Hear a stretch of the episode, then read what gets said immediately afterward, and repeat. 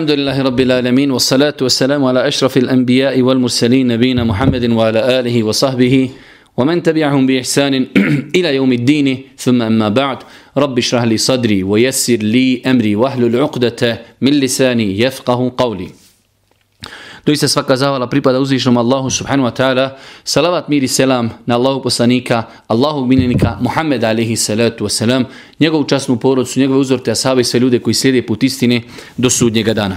Uvažna braćo, poštovani sestre, za one koji su gledali, e, slušali e, zadnje ovo predavanje, cijelo predavanje smo govorili o skraćivanju namaza. Ja sam lično smatrao da ćemo u ovom predavanju proteklom 17. uspjeti da govorimo i o spaljanju namaza, ali jednostavno išli smo mnogo sporije nego što sam ja zamislio. U svakom slučaju, Rekli smo da u islamu kada je čovjek musafir i putnik zbog situacije u kojoj se čovjek nalazi prilikom putovanja, e, uzvišnji Allah gospodar zemlje i nebesa dopustio čovjeku da ne posti ako putuje putovanjem dalje od 80 km, dozvoljeno je da potire po mjestvama 3 dana i 3 noći ako je mjesto obukao e, na abdesne noge. Rekli smo da je e, propisano skraćivanje namaza po određenom uč, e, broju učenjaka skraćivanje namaza ako će čovjek putovati više od 80 km je obaveza, ali smo mi preferirali mišljenje da je to dozvoljen postupak. Četvrta stvar koja se dozvoljava mu safiru, onda kada ima zatim potrebu, jeste spajanje namaza. Pa je ovo sada jedan novi termin, a moramo napraviti razliku između spajanja namaza i kraćenja namaza. Kada je u pitanju kraćenje namaza, vraćamo se na stari ders, rekli smo samo da zapamtimo jednu stvar. Ne može se nikada skratiti namaz u životu, osim ako smo musafiri. Sa svim onim uvjetima koji smo spomenuli. Može se skratiti podni na dva, i kindija na dva i jacija na dva. Samo četverokatni namazi, sabah ostaje isti, akšam ostaje isti. To je jedna platforma veoma bitna. Imamo drugu platformu, a to je spajanje namaza. Prva stvar, spajanje namaza nije specifično samo za put. Znači moramo to razgraničiti. Dosta puta ljudi smatri ako sam skratio mogu ispojiti i obrnuto i nikada više. Ne. Spajanje namaza nije specifično za putovanje. Imamo situacija kada se može spajati i mimo putovanja. To je jedna stvar. Druga stvar, spomenuli smo kako se krati namazi podni na dva i kindija na dva, akšam ostaje tri, jacija na dva, saba ostaje dva. Kada je u pitanju spajanje namaza, spaja se podni sa kindijom, spaja se akšam sa jacijom, a saba ostaje sam. Kada je u pitanju spajanje namaza, spaja se podni sa ikindijom, akšam sa jacijom. U situacijama kada imadnimo potrebu da spojimo namaz, Namaska vremena nam postaju jedno namasko vrijeme. Pa znači vrijeme od podni sve do akšama, sve do akšama postaje nam jedno vremensko vrijeme. U njemu ćemo kada nam bude odgovaralo klanjati podni i kindiju spojeno. Od akšama pa do kraja polovine noći, jer je tada kraj jacije, imamo vrijeme da spojimo akšam i jaciju. Bukvalno, kada čovjek ima potrebu, ima samo tri namaska vremena. Ima saba, ostaje u njegovom pravu namaskom vremenu. Od podnije do akšama nam je vrijeme kada možemo spojiti podne i kindiju i od akšama do kraja jacije do pola noći je vrijeme kada možemo spojiti podnije, kada možemo spojiti akšam i jaciju. Dobro. Znači rekli smo da spajanje namaza, sada cijelo ćemo vrijeme govoriti o spajanju namaza, nije eksplicitno vezano za putovanje, ali je putovanje jedan od najčešćih razloga kada se spaja namaz. Ovo je veoma bitno zapamti. Putovanje, jedino na putovanju možemo skratiti namaz. Putovanje je jedan od najčešćih razloga kada se spajaju namazi, a nije putovanje jedini razlog kada se mogu spajati namazi. Kada je u pitanju samo spaljanje namaza, islamski učenjaci imaju dva stava. Rekli smo, u kraćenju namaza svi su kazali da je to legitimno. Samo su se različili je li to obaveza ili je dopušten čin. Kada je u pitanju spaljanja namaza, nije ista situacija. U pogledu spajanja namaza na putovanju, islamski učenjaci imaju dva stava, pa velika većina u Leme je kazala da na putovanju, ako čovjek ima potrebu, može iskratiti namaze i spojiti namaze. Za razliku od hanefijske pravne škole, oni su kazali da čovjek može samo spojiti namaze u dan arefata. Na arefatu će spojiti podni i kindiju, na muzdelifi i i oni to ne vezuju za putovanje, već to vezuju za propis hađa. Tako da po hanefijskom mezebu namaz je obaveza skratiti, a ne mogu se spajati. Hm, moramo se malo koncentrisati. Po hanefijskom mezhebu nama se mora skratiti na putu, ne može se spajati. Po većini islamskih učenjaka nije obaveza skratiti namaz na putu, već je bolje jer je to sunje Božijeg poslanika, a kad je u pitanju spajanja namaza, većinska većina islamskih učenjaka je dozvoljavala ako čovjek ima potrebu na putu da spoji namaze i da ih iskrati, on to može i učiniti. Mi nemamo vremena da sad i to nam nije, rekli smo na samom u prvom predavanju, rekli smo da nećemo nijedno pitanje analizirati, znači e, sa teškim analizama, iznoseći dokaze, pa odgovaranje na dokaza. E, ja sam stava e, kojeg preferira većinski dio islamskoj činjaka, da čovjek kada je na putu, ako ima potrebu, ako ima potrebu, ako mu nespajanje namaza pravi poteškoću, onda ima pravo da spoji namaze podne sa ikindijom, akšam sa jacijom. To je stav islamskih učenjaka Džumhura Uleme. Imamo hadis koji bilježi imam Buharija da kaže Ibnu Abbas, Allah poslanik kalih salatu wasalam, spajao bi podne i kindiju ako bi bio u toku putovanja. To je ono što ćemo mi preferirati. Znači ako čovjek dođe i musafir je, čovjek je otišao kod svoje rodbine u Švedsku i sjedi kod njih. Oni će inako, onako sjede podnije sjedi sjede i kindija. Kaže, ba ja sam u sav, ja bi spojio. Zašto spajati jer nemaš potrebi? Ali je razlika, čovjek putuje. Primjer radi, čovjek je krenuo za veliku kladušu. Mnogo mu je lakše ako se samo iz Sarajeva zaustavi jednom utravniku, spoji podne i kindiju i za, za, na kraju se još zaustavi u Bihaću, spoji Akšam i Aciju. Mnogo mu je lakše nego da se mora zaustaviti jednom utravniku, pa jednom u ključu, pa jednom u Bihaću, pa jednom u Velikoj Kladuši. Pa znači onog momenta dok čovjek traje mu putovanje i samo spajanje namaza olakšat će mu. Evo naveo sam primjer. Je li lakši čovjeku krenuo iz Sarajeva za veliku kladušu? Kada dođe utravnik nastupilo je podni. On klanja abdesti jednom i klanja podni dva rekiata jer smo rekli skraćuje i klanja i kindiju dva rekiata spoji. Upali auto i više se ne zaustavlja nigdje do kladuši. U ovim zimskim danima čovjek bi morao jednom se zaustaviti u e, travniku još dok pojde Vape kod Harija, onda bi se morao zaustaviti jednom u vakufu, klanjati ili u jajcu, e, jednom se klanjati u ključu, jednom u bihaću, jednom u velikoj kladuši. Ali znači u onom situaciji kada čovjek putuje i spajanje namaza će mu olakšati, onda inšala ima pravo i priliku i dozvolu da spoji namaze i da ih skrati. Pa se nadam da smo uspjeli napraviti razliku između kraćenja namaza i spajanja namaza. Jedan od razloga kada se mogu spajati namazi jeste putovanje. I onog momenta kada hoćemo spajati namaze, podne i kindija, njihova se vremena kao da se zalijepi jedno za drugog, od podni do akšama, kad god imamo vremena, zaustavimo se, učimo ezan, klanjamo jedan namaz, drugi namaz i idemo dalje. Znači, u, u ti neki 4-5 sata mi se zaustavimo 5 minuta, klanjamo i mi smo sve svoje obavili. Pa je znači inšalab iznila e, ispravno mišljenje džumhura islamskih učenjaka da čovjek kada putuje, ako za time ima potrebu, da spoji namazi i da ako će mu to olakšati putovanje. Koliko znam braće koji putuju e, po državama gdje nema da gdje nema džamija, nekada imaju čak problema ako klanjaju na parkinzima i tako dalje. Mnogo znači kada čovjek se može u toku dana dva puta zaustaviti, klanja podne i kindju, akšamijaciju spoji, a kada se mora zaustaviti četiri puta na četiri različita mjesta.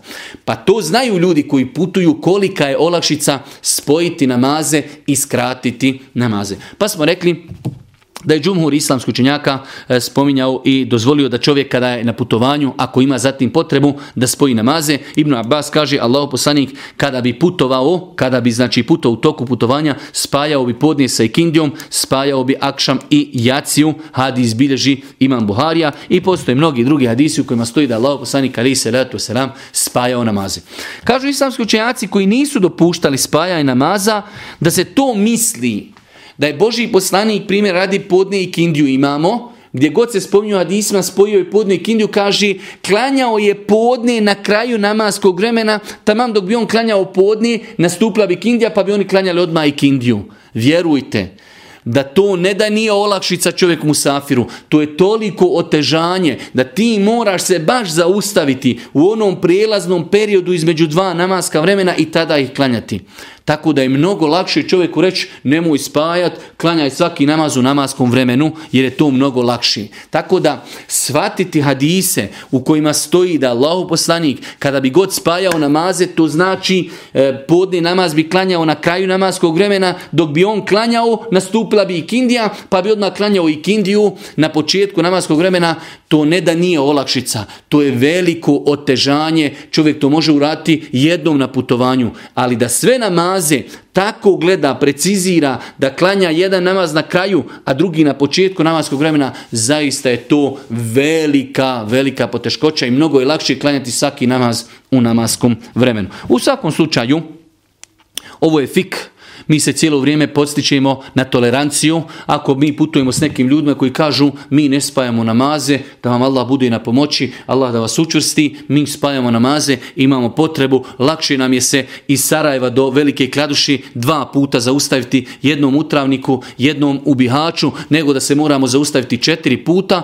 ali vi, e, vi robujete Allahu kroz, na takav način, vi ćete se zaustaviti i jednostavno vi ćete na taj način klanjati. U svakom slučaju, slučaju znači jako razilaženje. E, mi preferiramo mišljenje džumhura, većinskog dijela islamskih učenjaka, da e, čovjek kada je na putu ima pravo da spoji e, podne i kindiju, akšam i jaciju. Onog momenta kada se čovjek odluči na spaj namaza, dva namaska vremena mu se lijepe jedno za drugo i postaju jedno namasko vrijeme. Znači podne i kindija postaju zajedno, akšam i jacija postaju zajedno. Uvijek islamski učenjaci kada govori o pitanju spajanja namaza, govori šta je to po islamu bolje.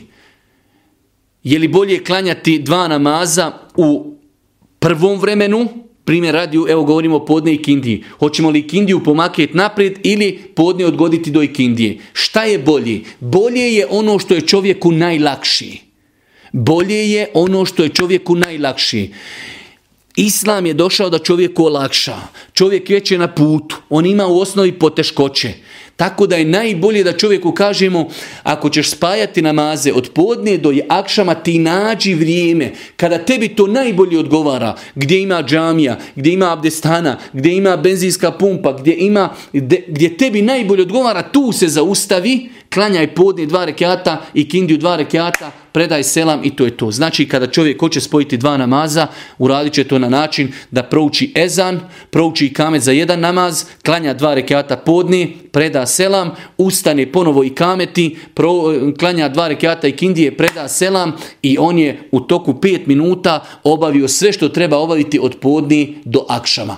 I mi kažemo najbolje i najvrijednije je ono što je čovjeku najlakši. E, to je preferirajuće mišljenje. Ali ako već čovjek može birati, kaže ja imam situaciju da se zaustavim, ja hoću da spojim podne i kindiju.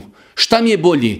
A mogu spojiti u podne, mogu i kindiju. Onda mu kažemo bolje je da podne odgodiš do kindije. Iz razloga što ako ikindiju pomakneš naprijed, klanjao si ikindiju, iako je validno i ispravno, je definitivno, ali si je klanjao prije nastupanja namaskog vremena, pa kažu islamski učenjaci, manji je kao problem da odgodiš podne pa je klanjaš sa ikindijom, nego da podne ikindiju pomakneš iz njenog namaskog vremena pa je klanjaš u podne. Duboko se nadam da ste razumjeli što sam htio da kažem. Generalno je pravilo zapamtiti, kada je čovjek musafir, i hoće da spoji namaze, ima potrebu. Zatim, dva namaska vremena zapamte, zalijepi se jedna za drugo, izbriši se ta linija i od podnje do akšava nam postaje jedno namasko vrijeme. Kada god nađete vremena, zaustavite se, avdestite, proučite ezan, proučite i kamet, klanjajte podne dva rekata predajte selam, ponovo ustanite, pružite i kamet, klanjajte dva rekiata i kindije, predajte selam i vi ste do akšama sve završili. Kada nastupi akšam, do polovine noći kad god imate vremena i kad vam je najlakše, zaustavite se, klanjajte, proučite ezan, klanjajte tri rekiata, akšama, predajte selam, klanjajte dva rekiata i kamet, dva rekiata i jacije, predajte selam i vi ste time završili svoju obavezu kada je u pitanju šta su islamski učenjaci kazali u pogledu spajanja namaza na putu, prva stvar rekli smo da čovjek ima potrebu. Jednostavno nelogično je rekli smo čovjek je na putu. Čovjek je na putu i odsjeo je kod svojih nekih rođaka, bit će u gostima tri dana i on kaže ja sam safir i uči se podne i on kaže pa dobro, pošto sam ja safir ja ću klanjati i kindiju zajedno. Ali dobro, ti sjediš već kod nas, mi ćemo klanjati podne, vraćamo se kući, opet sjedimo, jedimo, opet ovdje smo na ikindiju. Ništa nisi dobio. Tako da, znači prva stvar jeste da čovjek ima e, u skraćivanju namaza potrebu. Tako da kada skrati namaz i kada spoji namaz, kada spoji namaz, jednostavno olakšat će mu njegovo putovanje. Ako spajanje namaza ništa mu neće olakšati, onda mi kažemo ne treba da čovjek spaja namaze, već će ih klanjati u njihovom namaskom vremenu. Druga stvar, obaveza je da ih klanja po redoslijedu. Pa kada se spajaju namazi, neće klanjati prvo i kindiju, pa podne, bez obzira da li klanjali u podnevnom ili kindijskom vremenu, prvo se uvijek klanja podne, pa i kindija bez obzira da li to bilo u prvom ili drugom namaskom vremenu. Kada nastupi akšam, mi ćemo klanjati prvo akšam pa jaciju, bez obzira znači da li klanjali u jacijskom ili akšamskom vremenu, jer smo rekli onog momenta kada odlučimo spajati namaze, dva namaska vremena se lijepe i postaju jedno namasko vrijeme. Pa je veoma bitno da se namazi, znači da imamo potrebu za spajanjem, pod jedan, pod dva, da su namazi, klanjaju se po redoslijedu, po tri, Kažu islamski učenjaci da ne bi čovjek kada već spaja namaze, da ne treba praviti veliko, veliku, hajde da kažemo, pauzu između spojenih namaza. Može se desiti čovjek, primjer radi, odlučuje da spoji podne i kindju. Ok. Klanjao je podne i osjeti probleme u stomaku, e, treba promijeniti abdest. Ode promijeni abdest, vrati se i spoji i kindju. To je normalno. Ali, Spojiti namaze, spoji podne, pa ode pojede čevape, pa se vrati, spoji kindju, to je već nešto što bi čovjek trebao da izbjegava. U svakom slučaju, prvi uvjet je da imamo zatim potrebu, drugi uvjet da budu po redoslijedu podne pa i kindija, akšan pa jacija. Treća stvar, da nema velikog razmaka. Jednostavno, na taj način se onda gubi smisao spajanja namaza. Iako u pogledu toga islamski učenjaci e, imaju dosta, dosta nekih, hajde ih nazovemo, pojašnjenja, ali ono što je bitno nama obično i raj zapamtiti, a to je da znači čovjek ne treba praviti velike pauze bez potrebe. Ako bila potreba, čovjek je klanio jedan namaz, desilo je se da je dijete zaplakalo, nekoga nazvao na telefon, e, nešto je se desilo, da to završi tu potrebu, da klanja drugi namaz, inšala biznila, sve to u redu. Rekli smo, način spajanja namaza je tako da se namazi koji se spajaju, prouči se ezan, i uči se i kamet, klanjaju se dva rekiata, ako je primjer radi pitanju podnije i kindija, klanjaju se dva rekiata podnije, predaje se selam, ustaje se, uči se i kamet, klanja se i kindija, predaje se selam i to je završeno. Ako je u pitanju akšam i jacija, prvo se uči ezan, uči se i kamet za akšam, tri rekiata, predaje se selam, ustaje se, uči se i kamet, klanja se dva rekiata jacije, predaje se selam i to je način spajanja. Kada smo počeli govoriti o spajanju namaza, rekli smo da spajanje namaza nije eksplicitno vezano za put, za razgod kraćenja. Kračenje namaza samo se vezuje za put. Spajanje namaza se vezuje za šta? Za potrebu. Jedna velika potreba je putovanje, ali imaju i druge potrebe. Pa je zabilježeno u vjerodostojnom hadisu od Ibnu Abbas radijallahu ta'ala da je Boži poslanik ali salatu selam jedne prilike u Medini spojio podne i kindiju akšam jaciju, čak je spomenuto u hadisu da, da je rečeno e, bez padanja kiše i bez straha. Kad su pitali Ibnu Abbas zašto je to uradio, kaže nije želio da oteža svome ummetu. Ovaj hadis je e, veliki temelj ovom poglavlju koji se mora ispravno razumjeti. Pa su kazali islamski učenjaci, kao što je dozvoljeno čovjeku da spoji namaze na putu, dozvoljeno mu je da spoji namazi u nekim drugim situacijama kada ima velika poteškoća. Primjer radi, kažu bolesnik. Ako je čovjek doista mnogo bolestan i teško mu je u toku dana da pet puta abdesti, Mnogo lakše bi mu bilo ako, e, primjer radi kad je u pitanju podne Indija jednom abdesti spoji dva namaza, ali ovdje više ne krati jer nije mu safir, osim ako čovjek se liječi negdje izvan svoje države ili svoga grada. Ali ovdje čovjek sada spaja, ako je bolestan čovjek i živi kod kući, mnogo je bolestan. Imate bolest, čovjek jednostavno normalno je da klanja svaki namaz. Tada će klanjati normalno. Ali ima doista bolesti i ljudi kojima je veoma teško klanjati. Tada kažemo tom čovjeku imaš olakšicu da spojiš jer je spajanje namaza vezano za potrebu, za poteškoću. Tebi je mnogo teško. Zato je Boži poslanik u nekim hadisma, čak ženama koji imaju kontinuirano krvarinje, koje non stop krvari, jer smo rekli kad žena ima kontinuirano krvarinje, ona se treba prvo oprati krv, zaštititi uloškom, nakon toga abdestiti i nakon toga klanjati. Kažu i sam sučenjaci, ako je ženi veoma teško, ima jaka i obilna krvarinja, da i ona ima pravo da spoji namaze. Ali rekli smo, naša vjera je sva zasnovana na povjerenju. Kao što ti niko neće kazati na ulasku u džamiju, gospodine, jeste li pod abdestom ili niste. Sva je vjera na povjerenju. Tako i spaja namaza. Čovjek, ako ima veliku potrebu, bolestan je, žena ima jaka krvarenja, mi mu kažemo spoji namaze jer Islam je došao da ti olakša, a ne da ti oteža. Pa je znači jedan od razloga, odnosno to je drugi razlog zašto spojiti namaz ako imamo potrebu, ako nam je velika poteškoća, jeste bolest. Druga stvar jeste i e, vremenske nepogode. Pa kažu islamski učenjaci kada navode u knjigama Fika, ako su velika padanja kiši, velika padanja snijega, veliki vjetrovi. Znači ova tri vremenske nepogode, ali velika, velika kiša, veliki snjegovi i veliki vjetrovi koji otežavaju ljudima odlazak u džamiju i povratak, tada ljudi imaju pravo da spoje namaze u džematu. Nažalost, muslimani e, odlazi u jedno od dvije krajnosti uvijek. Ovo je sunnet i ovo su islamski učinjaci dozvolili ako postoji jaka kiša, ako postoji jako, jak vjetar i ako postoji e, jaka hladnoća jaka hladnoća, jaka kiša, jaki snjegovi, jaki vjetrovi, dozvoljeno je ljudima u džematu da spoje. Pa mi odemo jedno dvije krane ili kažemo nećemo nikad spojiti. Nek pada koliko hoće, nek puše koliko hoće. Mi ćemo klanjati svaki namaz u njegovo namasko vrijeme u džamiji.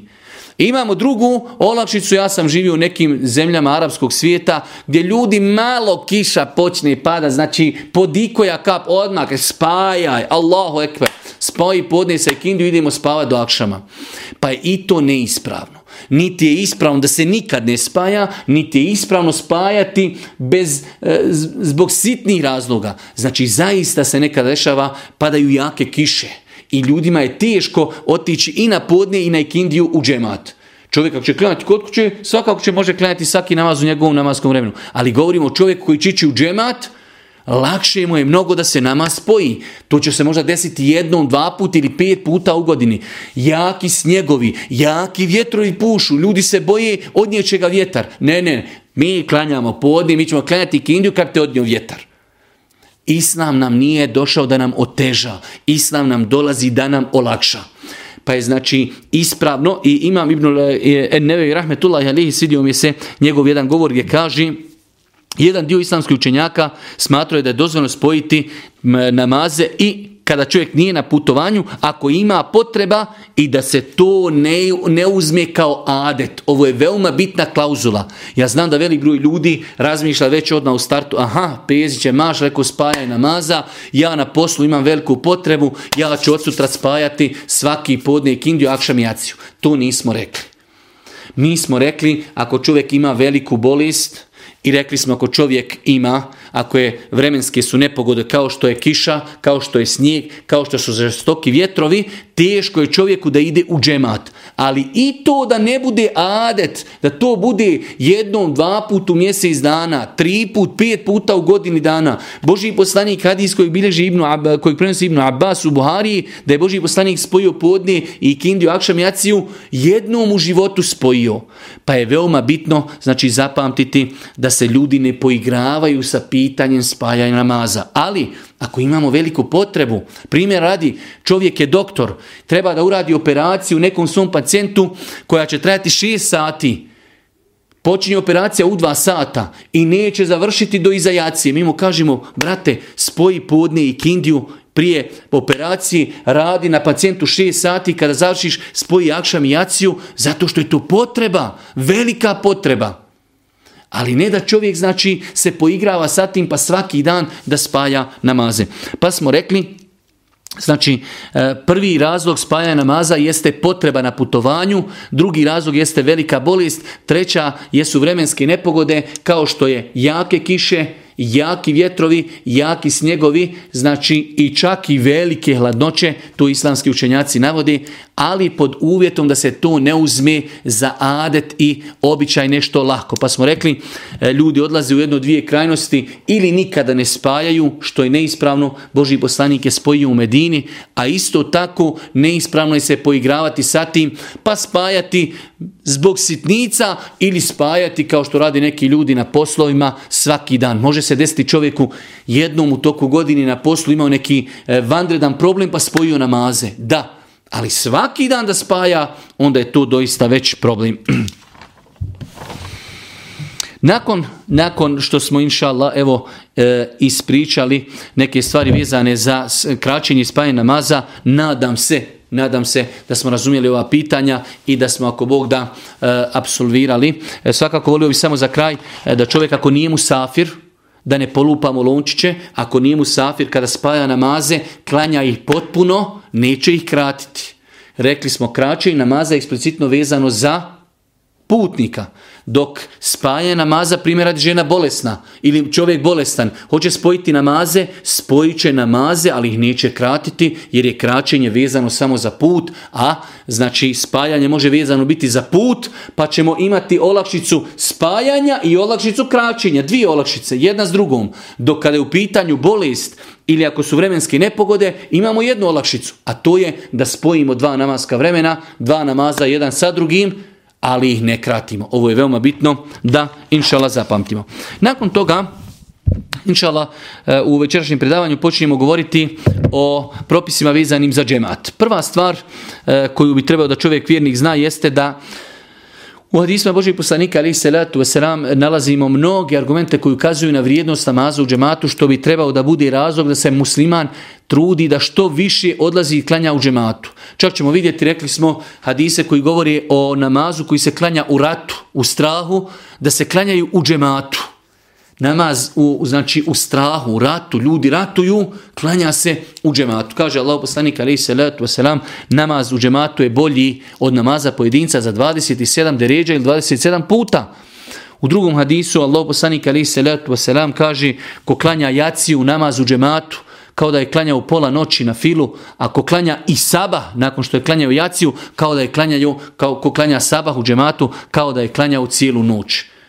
Znači, ko klanja jaciju, kao da je klanjao pola noći. Ko klanja taj dan, to je sutra dan i sabah u džematu, kao da je cijelu noć klanjao e, noćni namaz, tako da to su samo neki argumenti koji ukazuju na vrijednost obavljanja namaza u džematu.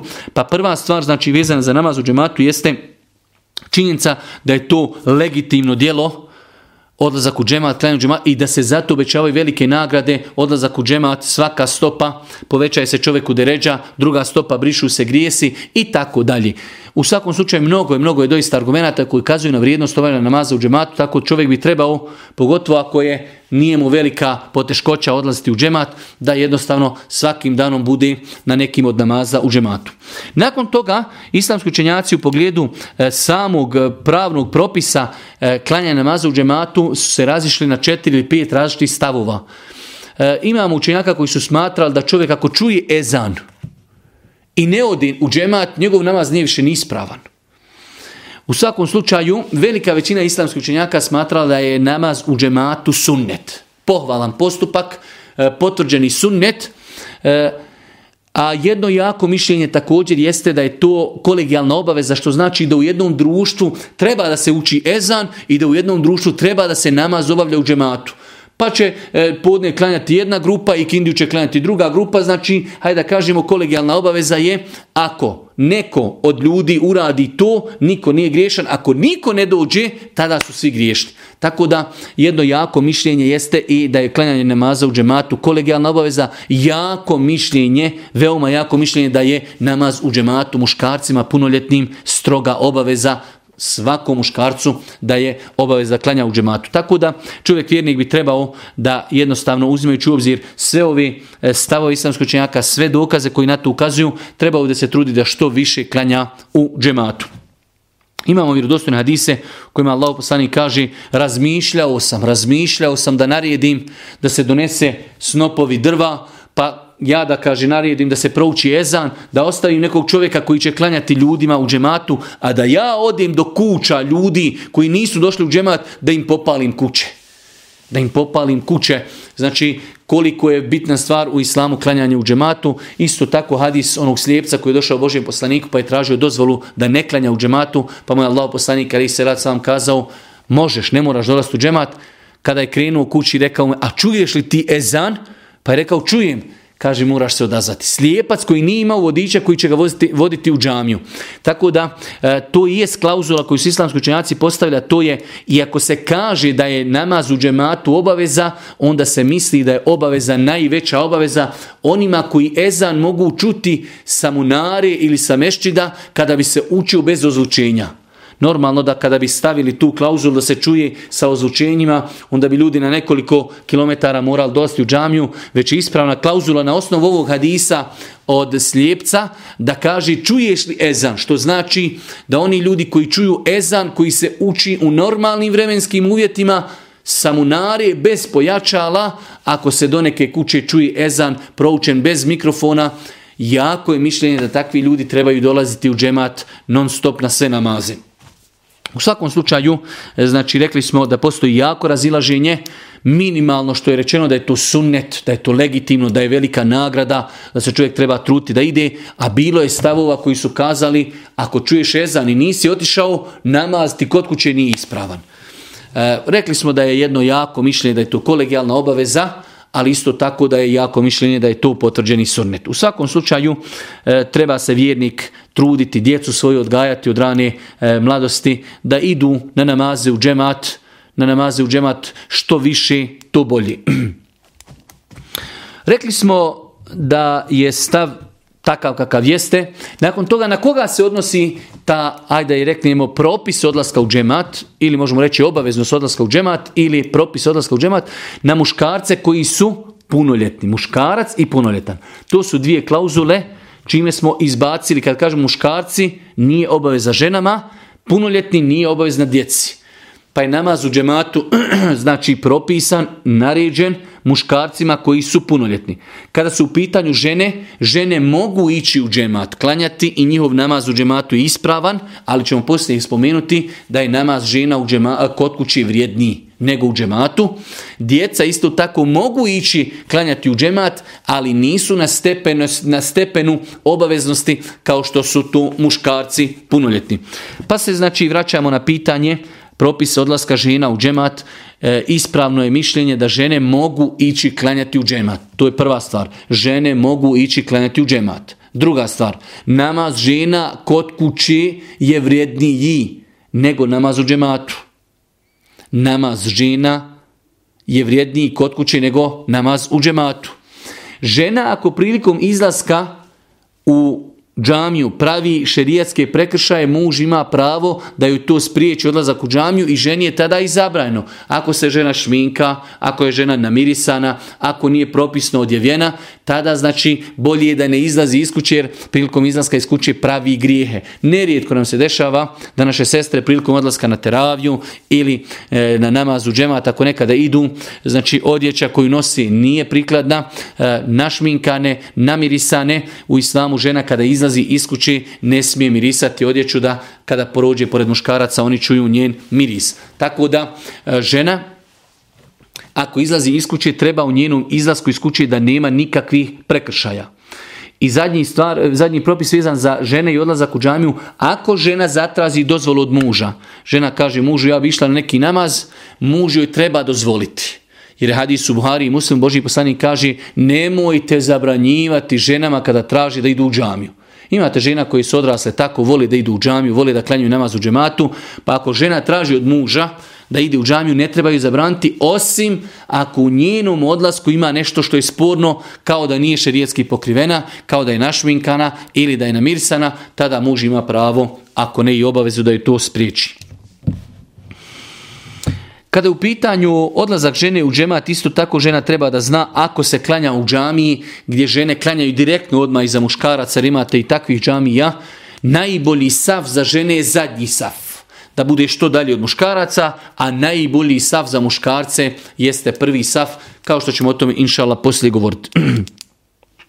Kada je u pitanju namaz u džematu, nekoliko pitanja vezanih za ovaj propise jeste prva stvar koliko minimalno ljudi treba da bude pa da bi se za njih kazalo džemat. Minimalno, inšallah, su dvojica ljudi, a to je imam i jedan čovjek pored njega. Ako se desi da dvojica ljudi klanjaju, oni su već džemat. Oni su već džemat. Jedne prilike je došao čovjek u džamiju Božijeg poslanika, okasnio je na namaz, pa je počeo sam klanjati, pa je Božji poslanik kazao, ko će dati ovom čovjeku sadaki pa klanjati sa njim u džematu, pa je znači Boži poslanik samo jednog čovjeka zadužio da zadnjim sa njim zajedno klanja kako bi mu činio džemat. Tako da dvojica ljudi, dvojica ljudi ako klanjaju zajedno, minimalno oni su džemat. U jednom vjerodostom hadisu stoji da su dvojica saba bili kod poslanika, pa kada su krenuli od njega kaže Allah poslanika ali salatu wasalam, vas dvojica kada budete na putu, kada budete putovali, neka jedan od vas prouči ezan, nakon toga proučite i kamet i neka vas jedan od vas dvojice koji je veći i stariji, koji je stariji godinama, neka vas predvodi u namazu. Pa je dvojicu ljudi Allah poslanik preporučio da klanjaju namaz u džematu. Pa je znači ova pitanja će nam inšala trebati sutra kada budemo govorili o džumi koliko je minimalno potrebno ljudi da klanjaju u džumu namaz. Znači ne postoji razlika između propisa džemata i džumi pa je znači dvojica ili trojica ljudi mogu klanjati džemat ili džumu namaz.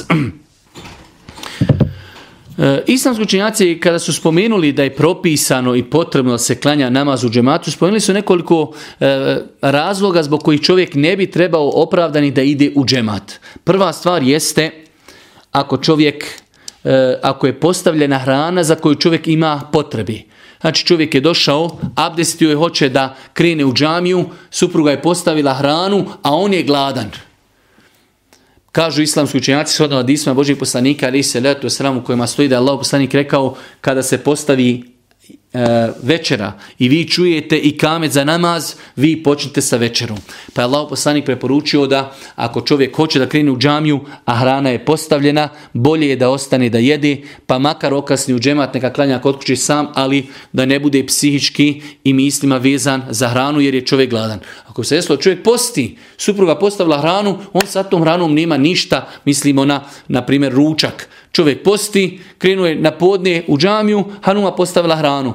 Čovjek posti, on sa tom hranom nema ništa. U toj slučaju mi kažemo čovjeku da treba da ide u džamiju. Ali u slučaju čovjek je krenuo na podni namaz, hoće da iziđe, haruma servirala sofru, hrana zamirisala. Mi kažemo tom čovjeku, ako si gladan, bolje je sjed jedi. Nakon toga, ako stigneš u džemat, stigao jesi, ako ne, klanjaj kod kući. To je prvi razlog zbog kojeg čovjek ne treba ili može da ne ide u džemat. Drugi razlog jeste korištenje crvenog i bijelog luka. Allah poslanik ali se sam više hadisa je rekao osoba koja jede crveni luk, eh, bijeli luk prvenstveno, a isto tako i crveni luk, da ne treba da dolazi u džamiju sve dok se od njega čuje miris luka. U jednom vjerodostojnom hadisu Allah poslanik kaže doista meleke uznemirava ono što uznemirava i ljude. Tako da Vjerujem da većina ljudi je imala situaciju kada neko e, pored njega stoji koji je konzumirao bijeli luk ili čak nepušači kada klanjaju pored pušača to je doista jedan veliki azab i kada pušači ne bi imali drugog razloga, imaju stotine drugih, da ostavi duhan osim što svojim neugodnim mirisom odjeći i zadaha uznemiravaju Allahove robove u, džami, u i Allaha to bi im bio dovoljan razlog da ostavi duhan. Znači ponavljam, kada pušači ne bi imali, a imaju mnoge zdravstvene i materijalne razloge da ostavi konzumiranje duhana samo zbog toga što nisu svjesni koliko neugodno je ljudima koji moraju do njih kladnati u namazu zbog njihove odjeći i njihovog zadaha, oni bi ostavili to da ne uznemiravaju ljude na najčasnijem mjestu i u najčasnijem ibadetu uznemiravaju ljude u džami i uznemiravaju ljude u namazu.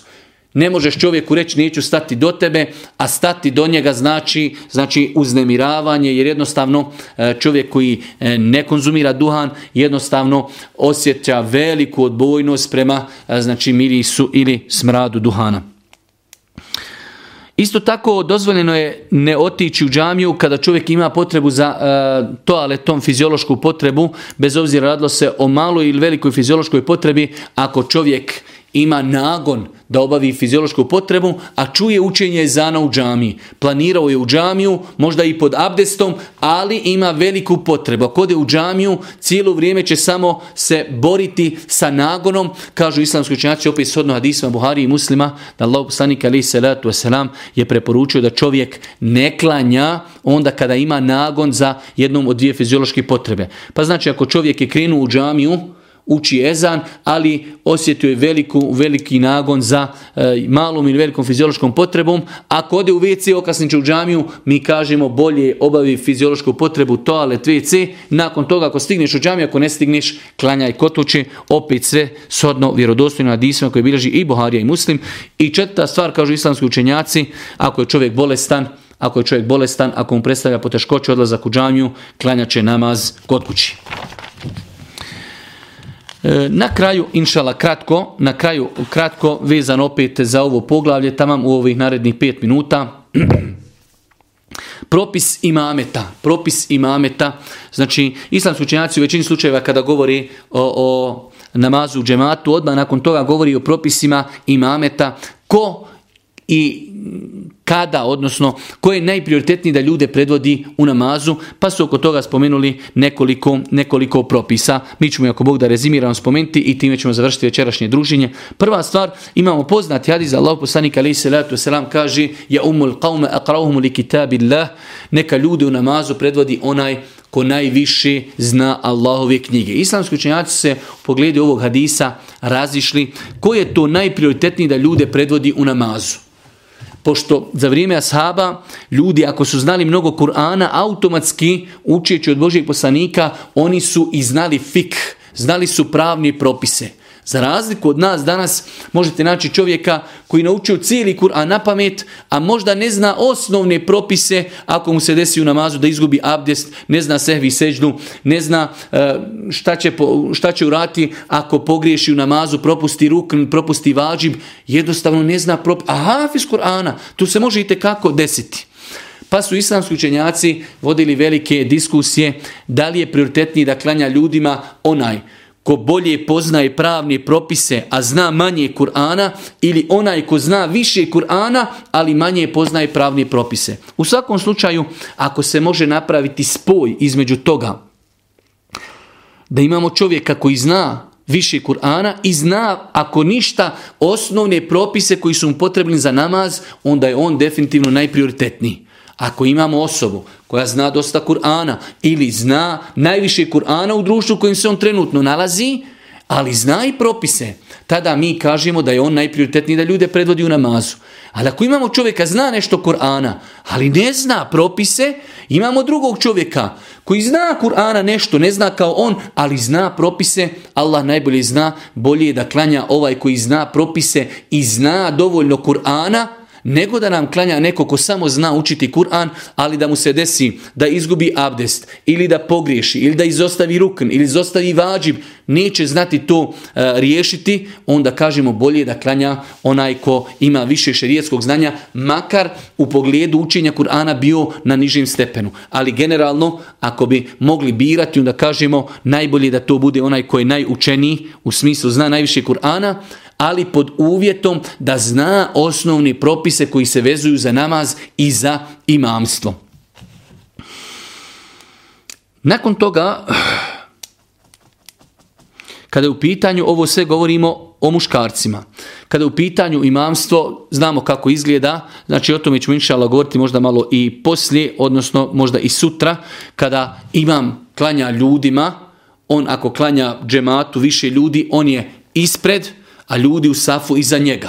Ako klanja čovjek samo sa jednim džematlijom, njih dvojica će stati jedan pored drugoga, imam će stati na lijevu stranu, a džematlja će stati na njegovu desnu stranu. To ako se radi šta o muškarcima. Znači imamo dvije situacije, imam će stati ispred džemata, ispred safa, ako ih ima više, ako su dvojica klanjača samo, imam još jedan čovjek, imam će stati s lijeve strane, a nje, klanjač će njemu stati sa njegove desne strane. Kada su u pitanju žene, kada, u pitanju, kada su u pitanju žene, a ako će žene klanjati u džematu, nerijetko se dešava da žene kada su eh, ili kod neke sestre u zjaretu, ili su negdje na kiki, ili su u nekoj školi Kur'ana, žene, žele da klanjaju džemat, eh, namaz u džematu, onda kažemo da je propisano da žene kada klanjaju, da će žena stati u prvi saf, u sredinu prvog safa će stati, neće biti isturena kao što to rade muškarci, već će biti znači zajedno sa ženama u prvom safu negdje na sredini prvog safa, tako je zabilježeno od Aiši radijallahu ta'ala anha. E, muškarci mogu predvoditi žene u namazu, žene ne mogu predvoditi muškarce u namazu, žene mogu predvoditi samo žene u namazu. Rekli smo i time inša evo i završavamo ovo svoje večerašnje izlaganje. Ako imam klanja e, džematlijama, ima ih viši, imam će klanjati ispred njih, onda će oni za njega formiti prvi saf, pa drugi saf i tako dalje. Ako imam klanja samo sa jednim čovjekom, on će stati imamu sa desne strane, a imam će biti sa njegovi lijevi strane. Znači, sa imamove desne strane će stati čovjek e, koji zajedno sa njim klanja i staći u istu ravanu. Postoji tu razilaženje kod islamskih učenjaka kada stanu dvojica ljudi, kaže jedan dio islamskih učenjaka imam će se malo naprijed pomaknuti, a ovaj čovjek će se e, neki desetak canti ili pola stopala pomjeriti nazad. Ali je tačno mišljenje, Allah Đelšan najbolje zna da su njih dvojica tada saf. Ta, njih dvojica su tada saf, saf treba da bude prav i tada njih dvojica će klanjati zajedno jedan pored drugog.